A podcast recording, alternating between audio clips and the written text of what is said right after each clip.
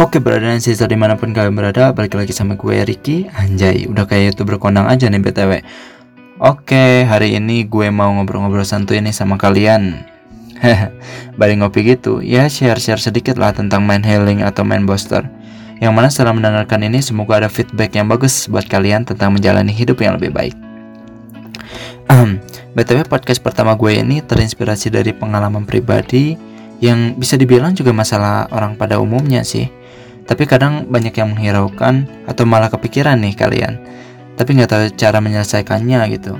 Oke, tenang, hidup nggak selalu manis bro. Kopi aja pahit, tapi nikmat kan? Ya, hidup pun sama. Kalau lihat masalah tuh kayak benang kusut. Padahal kalau lu coba buat benang tuh benang, gue yakin pasti bisa lurus dan kepake lagi. Tinggal gimana usaha lo aja gitu.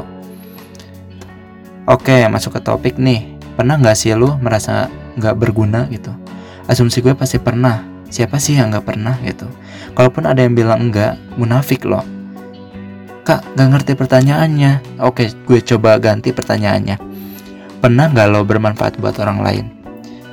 Gak usah orang lain deh, keluarga atau orang tua gitu.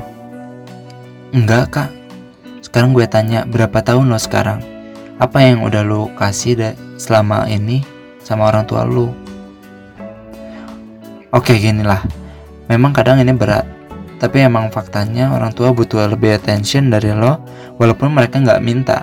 Tapi harusnya lu tahu diri masa udah 12 tahun lu sekolah atau 16 tahun sampai jenjang kuliah lu sekolah dibayarin orang tua belum bucin, makan, dan semua kebutuhan lu disubsidi orang tua gitu. Udah gitu lulus sekolah lu nganggur lagi, nggak cari kerja, malah mager gitu, nggak jelas di rumah. Cuma makan tidur, makan tidur, terus malah minta mau nikah. Lu nggak mikir anak orang mau dikasih makan apa? Mau minta sama orang tua lagi lu, gak gengsi apa? Ya kalau orang tua lu mampu gitu. Terus coba kalau perusahaannya bangkrut atau malah orang tua lu meninggal, mau gimana coba?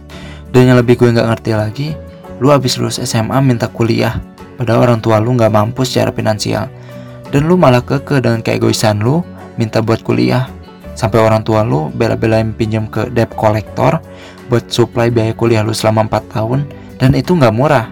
Setiap tahun pasti naik. Bayangkan ketika debt collector lagi depan mata lu dan orang tua lu nangis-nangis depan debt collector itu biar dikasih keringanan gitu. Apa nggak tersentuh hati lo gitu? Atau mau diam aja? Atau cuek aja gitu? Yang bayar orang tua gitu. Gue bukannya sok suci ya tapi yuk bareng-bareng masih muda juga masih bisa kerja ibaratnya lulus SMA pun lapangan kerja bisa dicari. Cari pengalaman sebanyak-banyaknya baru lu kuliah belakangan. Zaman sekarang kuliah sampai sambil kerja bisa gitu. Tolong jangan nyusahin orang tua terlebih lagi buat kalian yang orang tuanya buruh sama kayak gue. Yang buat makan aja pas-pasan gitu. Kesempatan banyak di luar peluang besar apalagi masih muda juga. Jangan pernah takut mengambil langkah yang beresiko karena mungkin resiko saat ini tidak begitu besar dibandingkan resiko yang akan datang. Aduh, ngeri juga ya nih podcast hari ini. Iya tadinya mau santu jadi ngegas gini kan. Tapi podcast ini walaupun kasar menurut gue tapi ibarat kayu yang kasar ketika sering diamplas akan halus juga. Begitu juga mindset kita yang buruk ketika terlatih untuk terus berpikir kritis, pasti hasilnya akan sia-sia gitu. Terlebih lagi kalau kita punya potensi dan skill yang baik, insya Allah mendapatkan yang lebih baik juga gitu. Oke deh, setelah ngegas, sekarang healing sejenak, oh, kita coolen dulu nih. Mungkin segitu sharing cast kita hari ini. Semoga bermanfaat. Kalau kalian suka, jangan lupa like, comment, and share ke teman-teman kalian.